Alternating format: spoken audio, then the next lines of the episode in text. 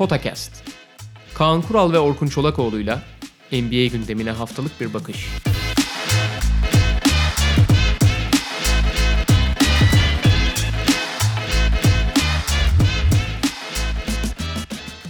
Merhaba, Potakest'e hoş geldiniz. Kaan Kural'la birlikte bir diğer Perşembe gününde karşınızdayız ve e, konumuz bu hafta da NBA. bir değişiklik yok şimdilik. Yani Sokrates Podcast çatısı altında e, farklılığa gidebiliriz diye düşünüyorduk ama e, şimdilik istikrarı koruyoruz. Valla benim başka bir şey yapabileceğimi zannetmiyorum. Poker po- poker podcast yapacağım ileride. O, bak orada gerçekten e, çizgi dışına çıkarsın. Olabilir de o kadar da iyi değilim o yüzden. Sen- Şimdilik, şimdilik bildiğim konularda takılayım. Senin moderasyonunda Aykut Aydın önderliğinde seçkin bir yorumcu kili. Özgür Arda'yı falan kadrosu. alırız. Özgür Arda'yı falan alırız. Selim'i falan alırız onlar halleder. Peki e, bugün işte yine öne çıkardığımız takımlar ve konular olacak. E, bilmiyorum hani konularla başlayalım istersen takımlara takımların özeline sonradan geçeriz. Çünkü Evet abi. öne çıkaracağımız bir haber var. Doping cezaları en son e, John Collins'in aldığı 25 maçlık ceza.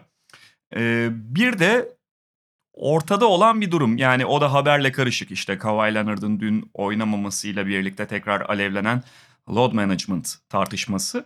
İkisini de konuşacağız. Dilersen dopingle başlayalım. Ee, diğerine sonra geçeriz.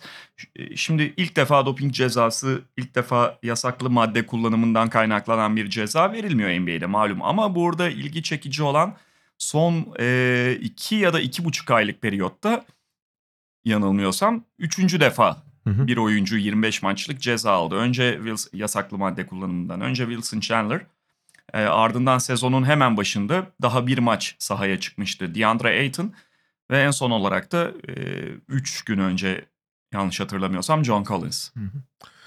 Ya şöyle bir şey var. Ee, Yani kimsenin kimseyi kandırmasına gerek yok abi. Yani sadece NBA ile ilgili değil bu. Profesyonel sporun her alanında çok çok yaygın kullanılıyor doping. Sadece yakalamak çok zor. Ya benim hani kişisel iddiam masa tenisinden otomobil sporlarına e-spordan şeye kadar tenise kadar en üst düzey profesyonellikten bahsediyorum tabii. Yani en rekabetçi yerde %90'ın üzerindedir doping kullanımı bence. Ha, dopingin bir sürü çeşidi var ayrı konu.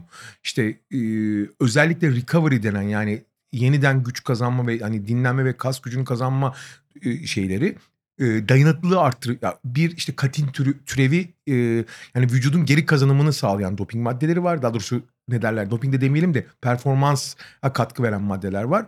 Dayanıklılığı artıran EPO türevleri var. Bu kandaki alüvar sayısını artıran. Bir de vücudu geliştiren işte eskiden daha çok steroid ama e, son 20 yılda işte HGH'in insan geliştirme hormonunun devreye girmesi de steroidin yerini almasıyla insan geliştirme hormonu ve onun türevleri var. Yani çok farklı dopingler var bu arada onu söylemek lazım.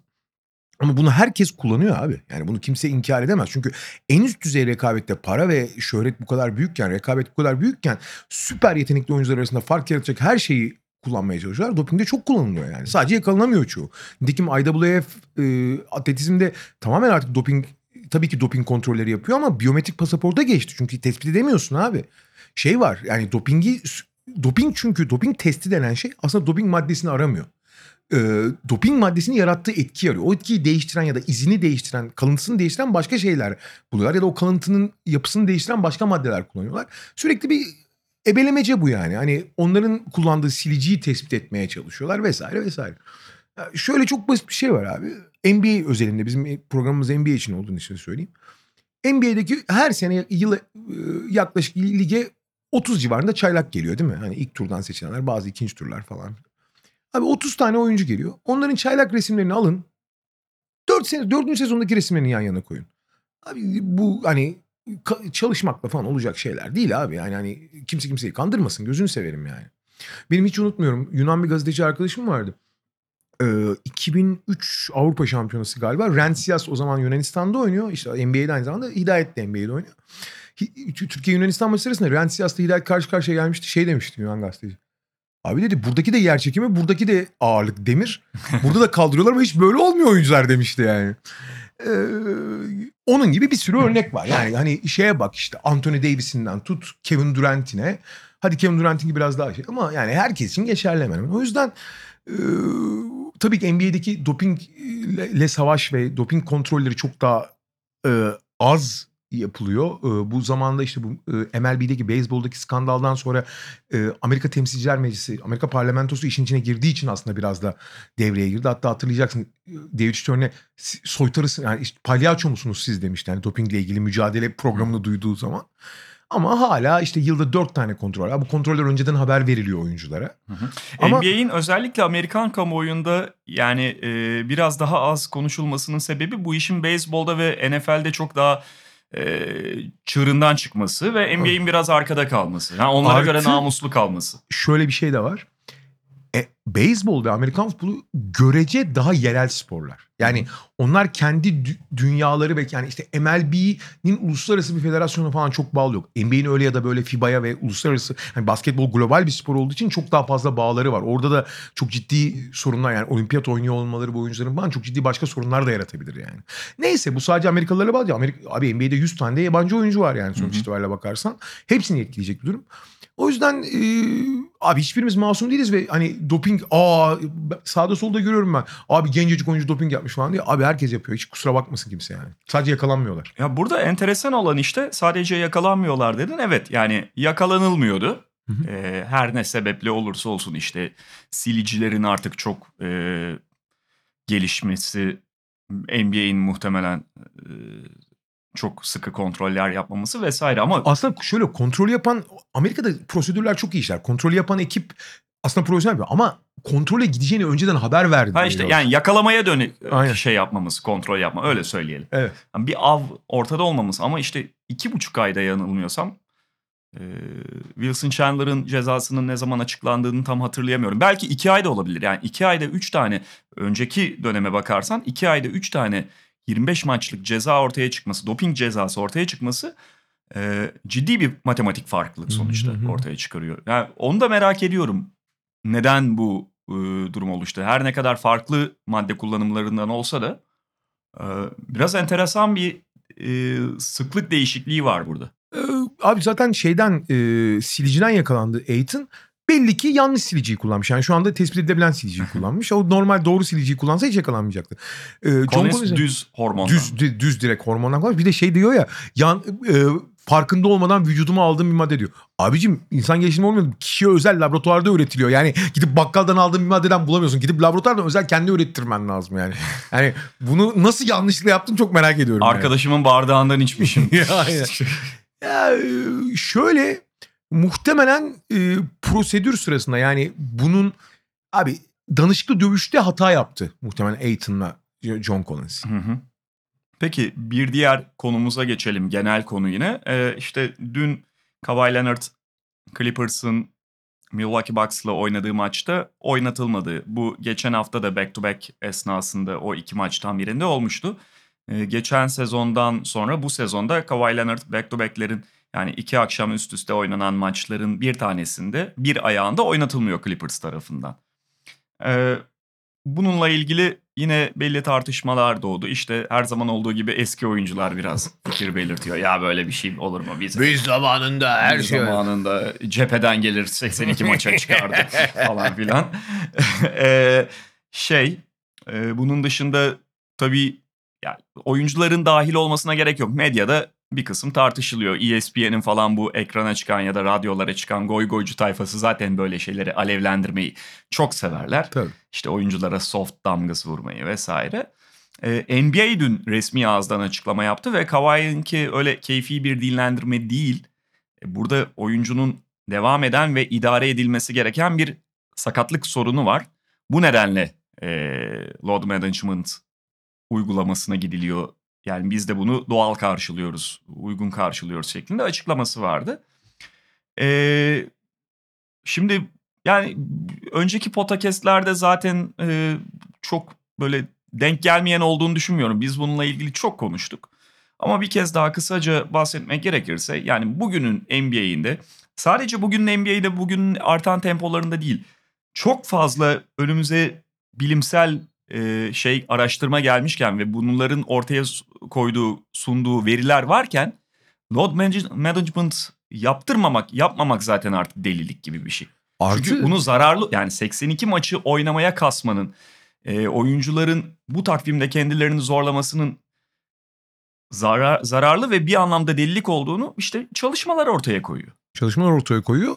Ama abi sonuçla perçinlenince bir anda herkes hani yeni fark etmiş gibi davranıyor. Yani geçen sezon Kawhi Leonard'ın işte bu load management veya Türkçesi nedir hani yükleme idaresi mi neyse işte yani oyuncuya yükleme idare yüklemenin idare edilmesi vesaire çok iyi ve çok olumlu bir sonuç verince yani bir senelik giden adam işte 23 maç oynatılmadı playoff'ta sonra tek başına sırtında taşıdı resmen ve şampiyonluk getirdi yani. Hı hı. Hani daha ne var abi bunun üzerine daha büyük bir başarı reçetesi mi olur yani? Hani bir anda çok daha dikkat çekti ve işte hatta bu sezon başında biz de konuşuyorduk. Herkes de konuşuyordu. Abi işte bu yüklemeler çok daha dikkatli yapılacak. Bu sene işte ben hani söylüyorum LeBron 70 maç oynar mı bilemiyoruz. İşte muhtemelen dinlendirilecek şu bu falan konuşuluyor yani sürekli.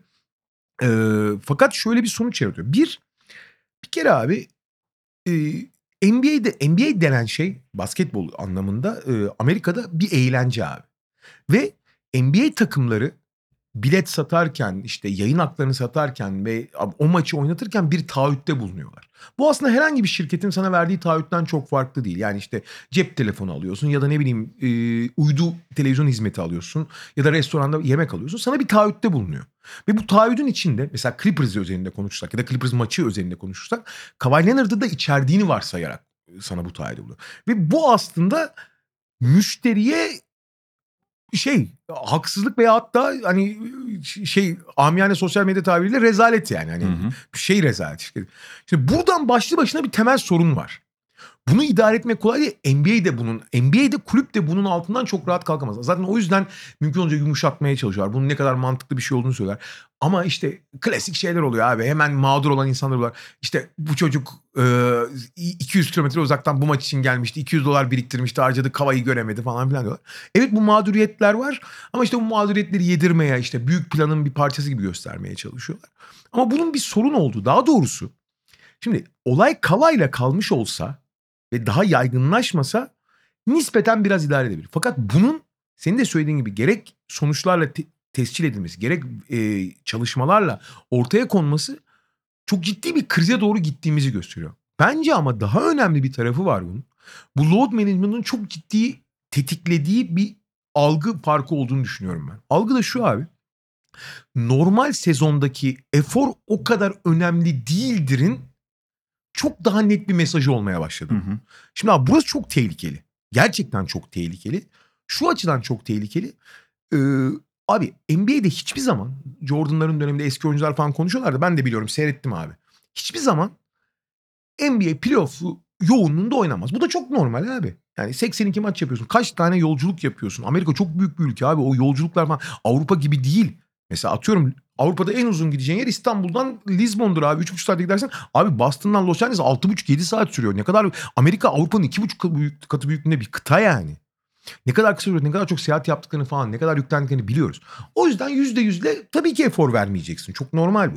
Fakat abi %90'ın yani %80'in altında efor verdiğin zaman da oyun çok hızlandığı, tempo çok arttığı, ortalama oyuncuların teknikleri çok geliştiği için efor farkı makası açıldığı anda bu ortaya çok çirkin bir tablo yaratıyor.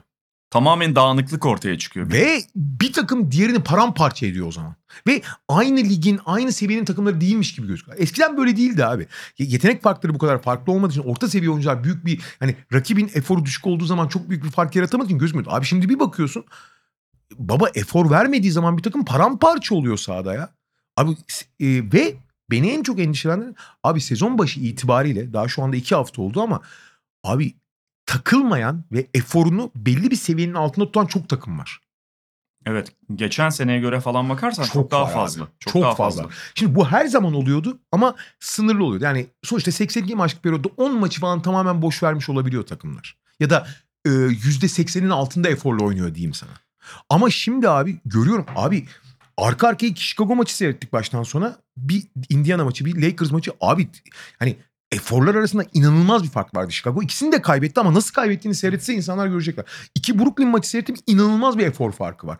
Houston abi Houston'ın Ben durumu... Houston'ı seyrederken net sinirleniyorum. Çok net sinirleniyorum. Abi orada mesela teknik sorunlardan kaynaklı ama çok ciddi efor problemleri var abi. Çok ciddi Evet, efor o- problemleri var yani. Abi şev de var mesela. Şimdi bu e, senin söylediğinle bağlantılı. Bugünün basketbolunda üçlüğün ne kadar önemli olduğunu biliyoruz. Yalnız abi tembelliği üçlüye yedirmeye çalışan çok takım alıyor. Bak aynen öyle abi. Harden bunu yapıyor, aynen, Houston aynen, yapıyor. Aynen. Maçı izlemedim ama bugün e, dikkatimi çeken bir istatistik var. Belki senin dikkatini çekmiştir. Minnesota Orlan şey Minnesota Memphis'ten 137 yedi. Hı.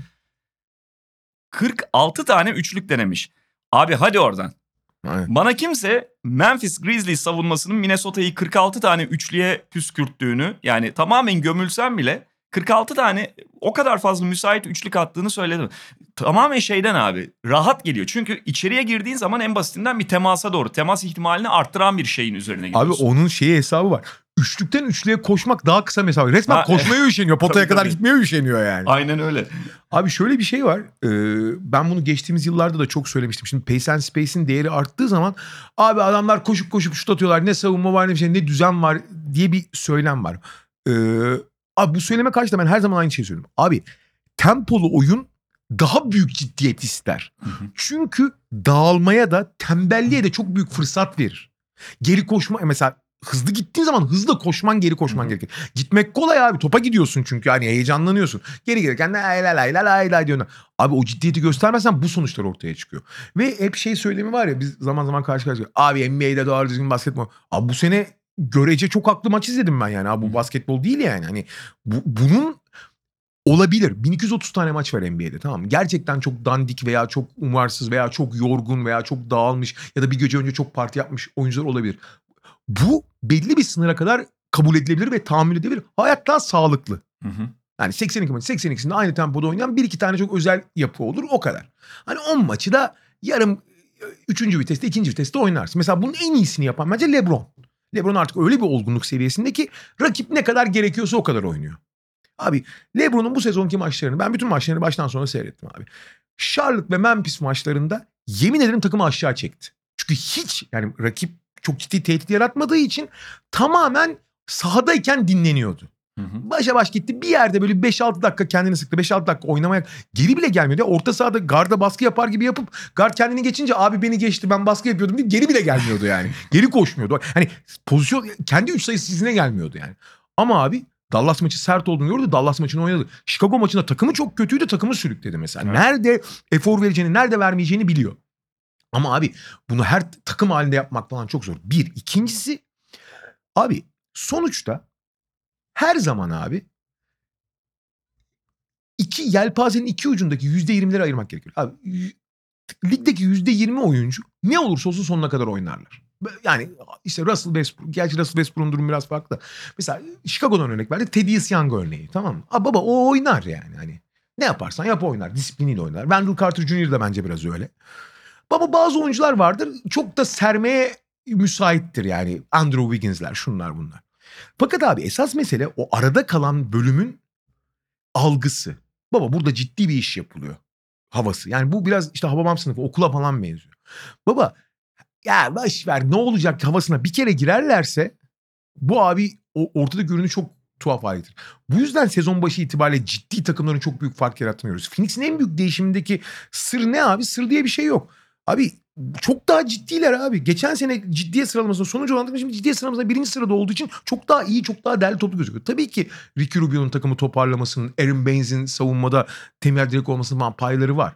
Ama abi kusura bakma da yani hani Kelly Oubre'ler falan bu seviye yani bu kadar muazzam oyuncular, bu kadar büyük fark yaratan oyuncular değil. Tamamen ciddiyetle alakalı. Ama bu ciddi olmayan takımların çok büyük bir ayıbı ve lige ciddi tehdit yaratan bir unsur. Yani ligin en büyük problemi olmaya doğru gidiyor eğer bu öne alınmazsa. Evet evet yani e, işte sen az önce diyordun ya hani e, aramızda konuştuğumuz e, bu NBA'de basketbol mu oynanıyor zaten e, orada ciddi maçlar yok sirk orası muhabbeti.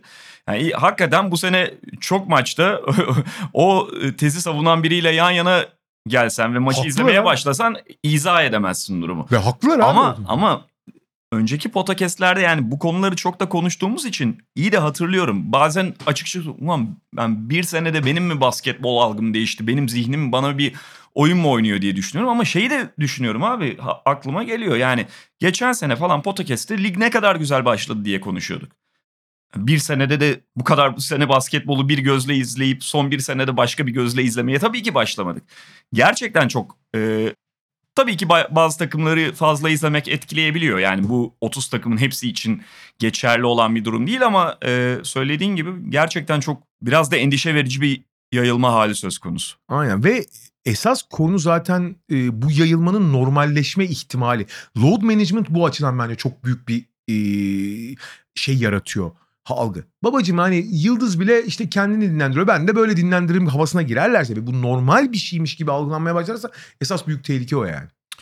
Ee, peki şimdi bu arada bu load management konusunu biz şeyde konuşmuştuk. İşte Sokrates derginin bu ayki sayısında e, Burak Balaban bize NBA sezonuyla ilgili bazı sorular sordu ve e, öne çıkan çıkmasını beklediğiniz trendler sorusuna bu yanıtı vermiştik biraz. Hı hı. E, basketbol tarzından ziyade hani çünkü hep başarılı olan bir şeyin peşinden gidildiğini ve onun izlendiğini biliyoruz. Geçen sezon Toronto'nun e, getirdiği belki de en önemli yenilik Kawhi Leonard üzerinden buydu. Bu arada şu- şu şeyi kapatmadan söyleyeyim. Bu arada hakikaten çok muazzam yani hakkını veren kaliteli maçlar da oluyor yanlış anlaşılmasın. Sadece bu tip e, bir takımın çok gevşediği maç sayısının artmasından bahsediyoruz. Mesela evet evet. Abi ben ha- ha- harika yani e, uzun süre unutulmayacak bir sürü maç da sayarım. Dallas Lakers falan başta olmak üzere yani. Hı hı. Hani çok iyi maçlar da oluyor. Yanlış anlaşılma. Hani ligin genelinde değil. Ligde e, ne derler eforu düşük daha doğrusu efor farkının yüksek efor farkının fa- efor makasının açık olduğu maç sayısı arttı. Onu diyoruz sadece. Şu sıralar e, buradan takımlara geçelim yavaş yavaş. Maçlarını izlerken e, kendi kendisine load management mı yaptığını yoksa takas mı istediğini yoksa başka bir problemi mi olduğunu anlamadığım bir oyuncu var. Drew Holiday. O ve takımı New Orleans çok kötü başladılar sezona. E, senin yine dergideki o tahminlerde Alvin Gentry yılın koçu ödü, Ben hatırlamıyorum abi o ödülü ya. Öyle bir şey dediğimi ya. arkandan iş mi çevrildi acaba? Ben o ses kaydını istiyorum abi. Ben öyle bir şey dediğimi Tabii, hatırlamıyorum. Kayıtlara bakalım. Vay- Kayıtlara, kayıtlar çıksın abi. kayıtlar ortaya çıksın. Yani ama Sokrates derginin bu ayki sayısında Kaan Kural'ın yılın koçu ödül tahmini Al- Alvin Gentry olarak geçiyor. En azından kağıda bu şekilde basılmış. Ee, en az yani iki hafta itibariyle çok iyi gözükmüyor tahmindeki gidişat. Hiç hoş değil. New Orleans kötü başladı. Tabii ki Zion Williamson'ın sakatlığı etkili oldu. Derek Favors da bir sakatlık yaşamıştı. Yani bu sadece Drew Holiday'den kaynaklanan bir şey değil ama e, muhtemelen senin de dikkatini çekmiştir. Drew çok kötü durumda. Ki Evet. o takımın liderliğini yapmasını bekliyorduk. Yani en iyi oyuncusu olmak falan değil ama lider oyuncusunun Drew Holiday olması bekleniyordu. Derek Favors çok kötü durumda. Sakatlığa ne kadar bağlamak gerekiyor bilmiyorum. En son maçta 8-9 dakika tahammül edebildi ona Alvin Gentry. E, Favors'ın kötü olmasının şöyle bir şey var. Zion da sakatken çünkü onu 5 numarada da kullanacaktı. Arkada 5 kalmıyor. Yani Nicola Melli'yi oynatıyor şut tehdidi olsun diye ama sürekli rakip Melli'nin üzerine hücum ediyor. Cahil Okafor benzer. Jalil Okafor işte hani hücumda sana bir şeyler verebiliyor ama ayakları çekemediği için ve rebound almakta zorlandığı için direkt kayık oradan su alıyor. E, Jackson Hayes çaylak e, şu anda en iyi yaptığı şey faal yapmak. Tek yaptığı şey de faal yapmak neredeyse. Öğrenmesi gerekiyor daha epey. E, diğer taraftan Drew gerçekten çok savruk. E, iş kalıyor işte şey Brandon Ingram, Lonzo Ball. Yani o Davis Josh Hart. takasından gelen e, şey grup. Onların yanında Itvan mesela çok kullanmıyordu. E, Orada abi şöyle senin söylediğine şöyle ekleme yapayım. Abi Drew Holiday'in ne kadar hani oyunun iki tarafında oynayan ne kadar hani e, gerek liderken gerek ikinci oyuncuyken ne kadar iyi bir figür olduğunu falan biliyoruz. O yüzden biraz ümitlenmiştik. Abi şu anda Frank Jackson oynadığında daha iyi gözüküyorlar Evet. valla. Ve beni çok şaşırtan konulardan biri Alvin Gentry'nin senin dikkatini çekti mi? Saçma sapan bir rotasyon uygulaması Evet var. abi. Yani 5 kişiyi aynı anda alıyor neredeyse. Bambaşka bir 5'le oynuyor. Takım hiçbir şekilde şey e, bir ritim uyum yakalayamıyor. Ve sorumluluk da yok abi. Şimdi e, abi o dünyanın en dağınık Golden State takımından 137'ler abi. Abi o Golden State takımının yüzü geçmiş olması tamamen rakip savunmayla alakalıdır. Yani o takımın maksimum bir NBA maçındaki potansiyeli 95 sayı falan yani. Kalan kadrodan bahsediyorum. Hakikaten çok sınırlılar. Hakikaten yani. Abi 137'ler o takımdan ya. Abi bir, bir, bir, bir kendinize gelin ya bir sakin olun bir, bir yaptığınız işe bakın yani. Bunun mesela diğer biraz evvel bahsettiğimiz efor konusuyla çok fazla alakası yok. Tamamen yani şuursuzluk üzerine kurulu ve kimin ne yaptığı, kimin kol... Çünkü abi savunma dediğin şey biraz nicelik ister. Biraz bir arada hareket etmek ister. Baba o kadar dağınıklar ki. Mesela niyet olarak Brandon Ingram'ın da niyeti var bence. Lonzo Ball'un da var. Josh Hart'ın da var. Holiday'in var mı emin değilim ama bunlar o kadar bağımsız dağınıklar ki zaten genç oyuncular. Zaten şu ana kadar ki e, geldikleri yerde belli savunma alışkanlıkları çok geliştirmiş değiller eski Lakers'lara falan bakarsan. Abi şu anda öyle çıkıyorlar denk gelirse oynuyorlar yani. Bir, e, çok kötü gözüküyor. Burada Gentry'den e, sen- hep Holiday'den bahsettin. Tabii ki Gentry'nin de büyük payı var. Bu rotasyonlarda yani abi bir kere bu olan tablo için birilerini sorumlu tutmak zorunda abi. Bu böyle gitmez abicim. Drew yapma. Yani Lonzo böyle oynamayacaksın falan demesi lazım. Şu anda abi o da çıkıyoruz oynuyoruz kafasında abi. Böyle iş olmaz yani. Hı hı. Tamam Drew bu takımın saha içi lideri olarak asıl örnek olması gereken kişi ve çok kötü örnek oluyor ama abi Gentry ve New Orleans'ın şu anki yapısı da hiçbir şekilde buna yardım edecek gibi gözükmüyor yani. Bir de gram savunma yapamadıkları için koşamıyorlar. Evet. Yani çünkü şey topu filedin altından aldığın Aynen. zaman bir rakibi yerleştirmiş oluyorsun. Aynen. Ne kadar tempoyu force etmeye çalışsan da. E, Lonzo'ya bırakmadığında o tempo biraz daha düşüyor zaten. Ha, takımda şu anda sadece şey 2-3 tane güzel gelişme var. Birincisi Brandon Ingram gerçekten o basamağı atladı gibi gözüküyor. Bence de. E, Josh Hart, Josh Hart farklı seviyede bir oyuncu ama iyi bir rol oyuncusu. O da e, katkısını sağlıyor. Bir de e, yani şu ana kadar çok iyi oynamasa da belli ki Nikhil Alexander Walker da iyi bir oyuncu. O zaten bekleniyordu. E, ama yani izlemekten keyif alacağımız bir takım olacağını Bu arada düşünüyorduk. Nikhil Alexander Walker Shai Gilgeous Alexander'ın kuzeniymiş. Evet. Kanadalı ikisi de. Şu Kanada milli takımında bir bu oyuncuları yani hepsini değilse de büyük bölümünü görsek e, Yok. memnun olacağım ama sürekli Abi- bir satış oluyor. Kağıt üzerinde dünyanın en iyi ikinci kadrosu falan olabilecek seviyeye geldiler neredeyse. Öyle canım. Yani biraz da böyle ciddi bir programdan geçseler. Yani o konuda bildiğim kadarıyla şey var. E, eskiye göre çok daha hummalı bir çalışma var ama bakalım oyuncuların aidiyeti ne olacak? Bir de tabii başarı alışkanlığı falan sıfır olduğu için onun oyuncuları nasıl bir yere hangi sistemde kullanacaksın bunlar daha büyük problem. Neyse Kanada milli takım düşünsün onu. Ee, ama işte yani New Orleans Pelicans'ın biz tamam mesela kesin playoff'a girer diyemiyorduk.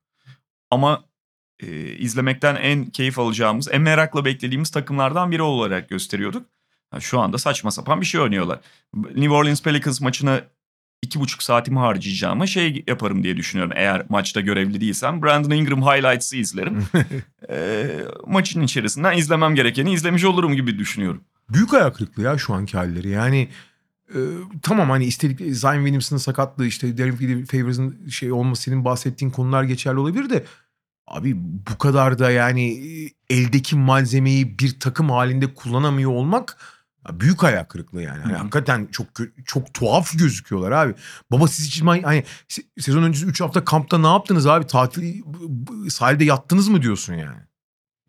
Denver Nuggets'a geçelim istersen. Senin söylediğin şey de önemli bu arada. Holiday resmen neredeyse takımı baltalamak istiyor gibi oynuyor ki hiç öyle bir karakter değildir. Çok ilginç. Ya evet yani bak başka oyuncu olsa ya tamam bu hani Anthony Davis falan gitti. Herkes gitti. Bir biz kaldık. Beni de gönderin işime bakayım. Siz de yolunuza gidin. E, ne beni burada tutuyorsunuz şeklinde bir triple oynuyor diyebilirim. Drew Holiday öyle bir karakter değil. Yani Aynen. bildiğim kadarıyla Drew Holiday orada bulunmaktan memnun olan, iyi Abi. kontratı olan falan bir oyuncu. Artı bundan önce Drew Holiday bu kadar ön planda bir oyuncu değilken çok ağır sakatlıklardan gelmişken New Orleans'da ona çok büyük bir yatırım ve çok büyük bir sabır gösterdi. Hı hı. Hatırlayacaksın eşinin rahatsızlığı sırasında tamamen basketbolun uzak kalmasına yardımcı oldular ki o zaman Drew Holiday bu kadar büyük bir figür de değildi. Evet. Yani New Orleans'a karşı tabii ki profesyonel kontratının bir karşılığı olduğu gibi çok ciddi minnet borcu da olması gereken bir oyuncu ki öyle de davranıyordu zaten geçmişte. Yani Davis krizi olduğu zaman geçen sene takır takır topunu oynuyordu abi. Hı hı. Ee, Denver Nuggets'la devam edelim istersen. Denver Nuggets hani fena bir başlangıç yapmadı ama bilmiyorum seni ne kadar oynadığı oyun tatmin ediyor ya da e, daha iyi bir başlangıç yapabilir miydi? Nikola Jokic'ten biraz bahsettik. Nikola Jokic sezona abi siz başlayın ben geliyorum havasında başladı. E, yetiyor da bu arada. Yani adamın o kapasiteyle oynadığı oyunda yetiyor. Abi maç kazandırıyor ya. E, fakat yani hani hiç bir kenara bırakalım. Profesyonelliğe çok sığmaz yaptığı şey. Öyle Hiç gelmemesi sığmaz. Hiç gerekiyordu. sığmaz. Ama kendi kendini idare edebilir ve forma kendi formuna girebilir diye bir kenara bırakalım. Ee, daha sezonun başı bu konuda da belki biraz zaman vermek gerekiyor ama Denver'la ilgili bence onların sınırını bundan önceki sezonlarda belirleyen ve bundan sonrası için de belir- belirleyecek olan Gary Harris'in işte Jamal Murray'nin oyunundaki sıçrama ne olacak? Yani çünkü şu ana kadar bu sezonun başı itibariyle o konuda pek ışık göremiyoruz. Ya ikisi içinde hala çok ciddi ümitler var. Hala Cemal Murray'nin ligin en önemli atıcılarından biri olma potansiyeli. Yani Gary Harris'in ligin önemli ya belki fiziksel olarak çok büyük bir fiziği yok ama çok iyi bir iki taraflı oyuncu olabileceğini söyleniyor. Ben bu sezon hani ikimiz de hemfikiriz o konuda. En nokta transferlerden birini yaptılar ve şu ana kadar da gayet iyi iş çıkarıyor Jeremy Grant. Aha. Fakat abi Denver'da şöyle temel bir sorun var. Ee, Denver fazla şey zengin oyuncu anlamında. Abi NBA'de 7. ile yani 15 kişilik kadrolar var ya genelde. Hı. 8. ile 15. oyuncu arasında yani takımın en zayıf yani en düşük seviyeli oyuncuları en güçlü takımı olabilir abi. Hı hı. Hani ilk 7 oyuncusunu oynatmayacak olsa takımlar, 7 ilk 7 oyuncusunu oynatmayacak, geri kalanlar olacak Denver muhtemelen şampiyon olur abi. Yani en iyi kadro yapan sahipler. Fakat bunun abi getirdiği avantajlar olduğu gibi çok daha alternatif bir kadron var. İşte zaman zaman işte kendi içinde load management yaparsın. Maç içinde şey yapmayan oyuncunun hemen alternatifini bulursun. Yani kadro zenginliği güzel bir şeydir. Ama bir yere kadar abi. Bir yerden sonra da abi konsolide etmez. Sahada 5 kişi oynuyorsun çünkü 15 kişi 15-15 oynanmıyor basketbol. Yani hangileriyle oynayacaksın? Konsolide etmen gerekiyor. Artı forma rekabeti denen şey ya da oyuncuların birbirini gitmesi iyi bir şey. Bir taraftan da abi oynamayı hak, ede, hak ettiğini düşünen ve hak eden bir sürü oyuncuya dakika da veremiyorsun. Abi bugün Malik Beasley, Monte Morris, Will Barton, Juanco Hernan Gomez, e, ne bileyim e, başka hani normalde çok az dakika alabilen oyuncular başka takımlarda çok daha yüksek dakikalar çok daha büyük rollerle oynayabilecek kapasitede oyuncular. Gerçekten çok değerliler. E Şimdi sakatlıktan dönen Michael Porter da Aynen. oraya kalabalığı e, Michael Porter Jr. oluşturacak iyice. 25 farklı takımda 20-25 dakika alırdı en azından hani test edilmesi için. Abi biliyorsun o çok ağır sakatlıklar olmasa kendi jenerasyonun en yetenekli 2-3 oyuncusundan biri gösteriliyor. Hı hı. Abi ba- başka herhangi bir takımda ona dakika verilir, te- test edilir. Şu anda dakika veremiyorsun çünkü çok ciddi, çok fazla oyuncu var yani. Bunun yarattığı avantajlar ve dezavantajların yanı sıra abi ne olursa olsun yok içi bir kenara bırakalım bırakalım diyoruz da abi yok içi bir kenara bırakamıyoruz çünkü yok çok merkez bir oyuncu. Yani abi Lakers için LeBron neyse yok de Denver için o. Çünkü ana oyun kurucun bir kere abi. Hani standart klasik bir pivot gibi olsa ve şu anki fiziksel formsuzluğunda olsa hadi gene onun dışındaki oyuncular var. Abi topun onun elinden geçmesi gerekiyor ve her şeyi bir şekilde etkiliyor olumlu veya olumsuz. Yok hiç bu arada kötü durum değil. Pek çok maçta da takımın yıldızı oldu. Fakat abi yok hiç Dünya Kupası'yla NBA kampı e, başlangıcı arasında geçen 20 günde 15 kilo falan almış. Ciddi çok fazla kilosu var yani. Ha hala etkili falan ama iyi durumda değil. Doğal olarak e, şey yapıyor biraz kendini sakınmaya çalışıyor. Çünkü sakatlık riski de yaratıyor bu ekstra kilo. Ve bu da herkesi bir şekilde etkiliyor. Ama senin söylediğin konu diğer oyuncular sıçrama yapsa vesaire bir ivme kazansalar yok işte bir şekilde ortada idare ediyor etmesini ama abi sürekli onları aşağı çeken bir takım faktörler var. Yok hiç olsun. Takımın fazla oyuncuyla oynuyor olması olsun. Ee, konsol edip odaklanmalarını ve hedefe kitlenmelerini en çok zorlaştıran şeylerden biri bu. İkincisi de e, başta Cemal Murray olmak üzere bazı oyuncular yani Cemal Murray özelinde bence çok daha fazla. Abi Cemal Murray'nin bu kadar başına buyruk bir oyuncu tiplemesi olması e, takımın iyi bir kurguda olmasını engelliyor. Yani yok için profesyonellikten uzak hareketi ve Cemal Murray'nin genel karakteri o takımın diğer parçaları rolünü yapmaya çalışan parçaları açısından da çok olumsuz etki yaratıyor bence. Ve yani şey de var. Bu- da zaten önceki senelerde konuştuğumuz işte playoff'ta mesela çok ciddi sıkıntılarını da yaşadıkları bir durum.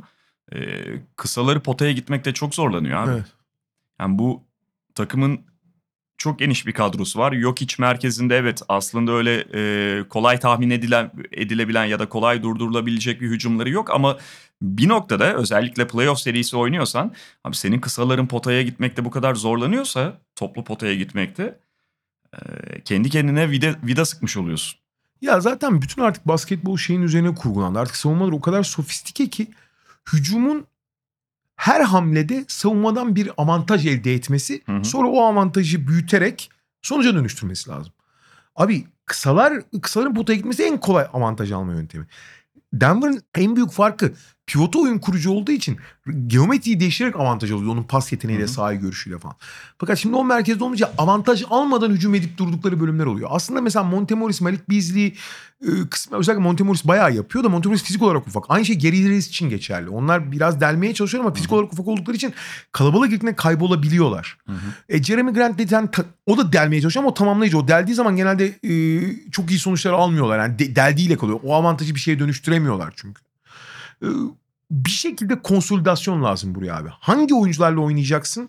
Hangi oyuncular fazlaysa yani üç, belki de 3 kişi 3 oyuncuyu 3 tane değerli oyuncuyu birleştirip bir e, başka bir oyuncuya dönüştürmek falan gerekecek. Çünkü bu Beasley ve Montemoris'in artık kontrat uzatma dönemleri geliyor. Artık onları ile tutmak da çok zorlaşacak yani.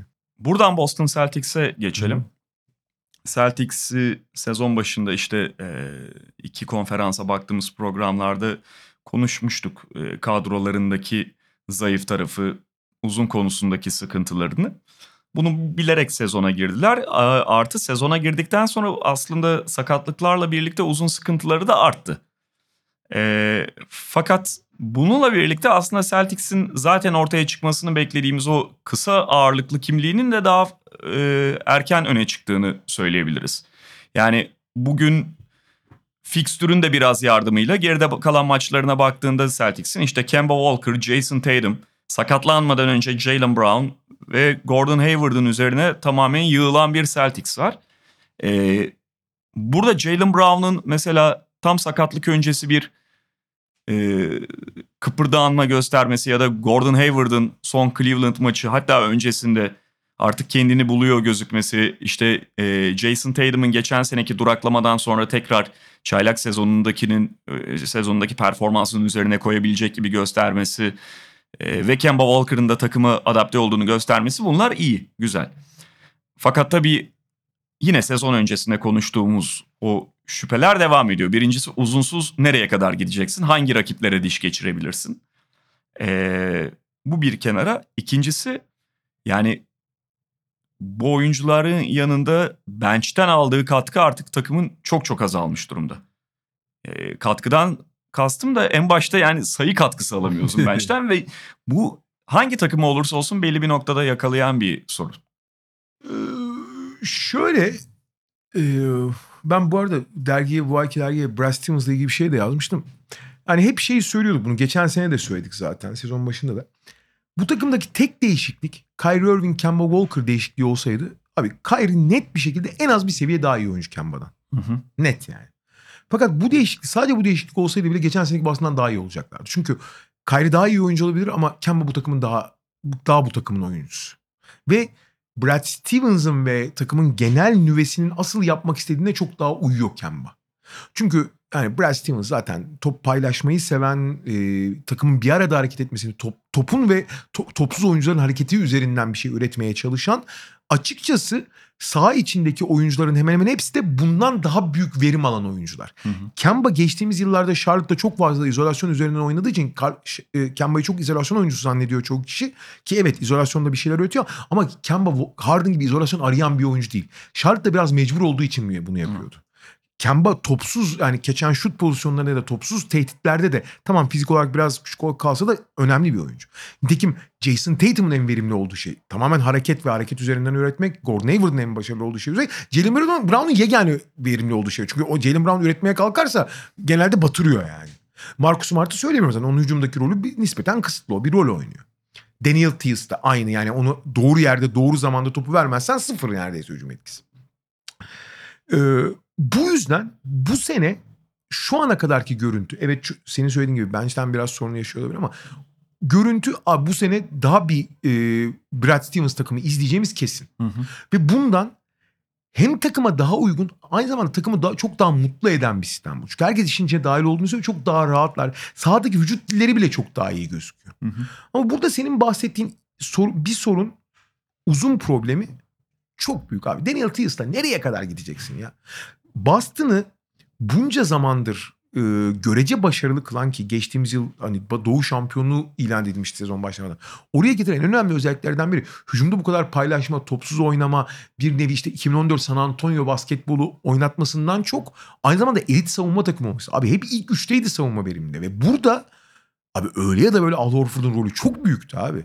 Hadi Al Horford gittiği zaman arkaya doğru bekçiyi bulamazsan abi çok zor o iş yani belli bir savunma yapmak. Ve Daniel Tice'la e, ne bileyim Williams'la şeyle Enes'le Menes'le ilk beşte savunma yapmana imkan yok yani mümkün değil. Ne kadar iyi Tice ne kadar iyi niyetli olursa olsun. Kaldı ki diğer dört oyuncu da dört kısa gibi seni sahaya çıkarıyor. Yani Neyse işte Marcus Smart. Marcus Smart gene e, bayağı her şeyi savunmaya çalışıyor da. Ya tabii ama şeysin sonuçta yani temelde çok temel bakışla dört kısa artı bir uzun oynuyorsun. O bir uzun zaten kendi kendine sırıttığı zaman e, bam ya şey senin sorunun katlanıyor savunmada. E ve şöyle bir şey de oluyor. Sen ne kadar yani sonuçta savunma nicelikten güç alır. Bir yerde hareket ediyorsan bam bir yer kadar gelirsin.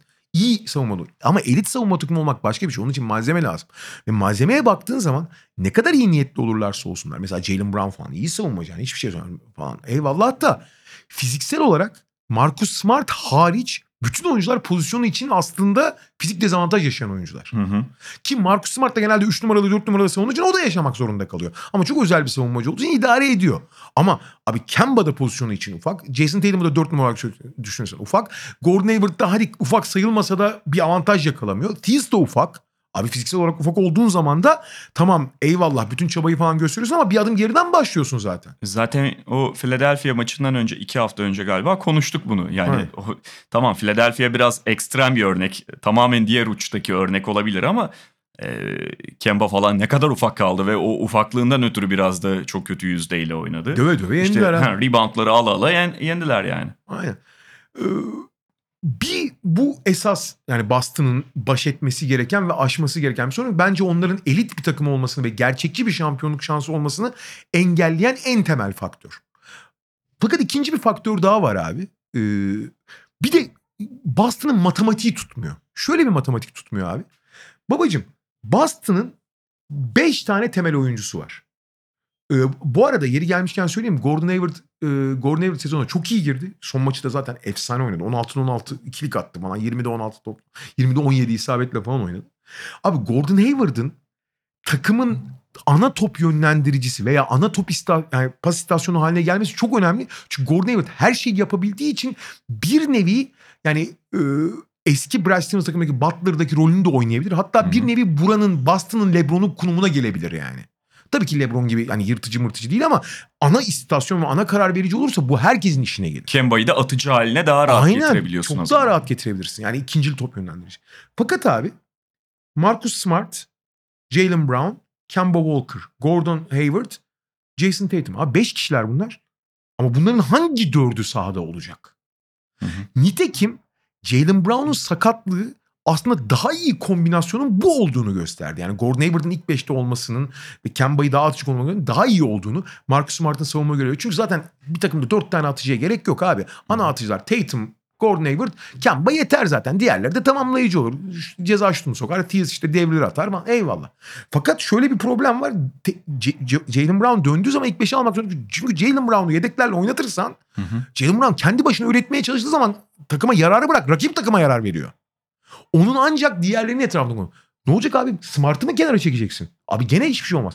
Yani sana şöyle söyleyeyim. ideal senaryo ne biliyor musun? Kemba'nın yedek be- ik- ikinci beşin oyuncu kurucusu olması. Onu da yapamazsın. Onu işte, da yapamazsın. Mantı, o da mantıklı değil çünkü.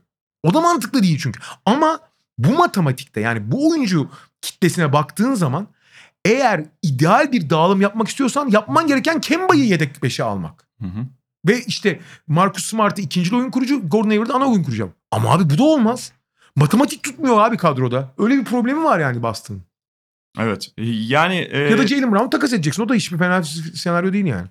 e, o kontratla mı? O işte o soru yani ideal senaryo derken Boston için ideal senaryo.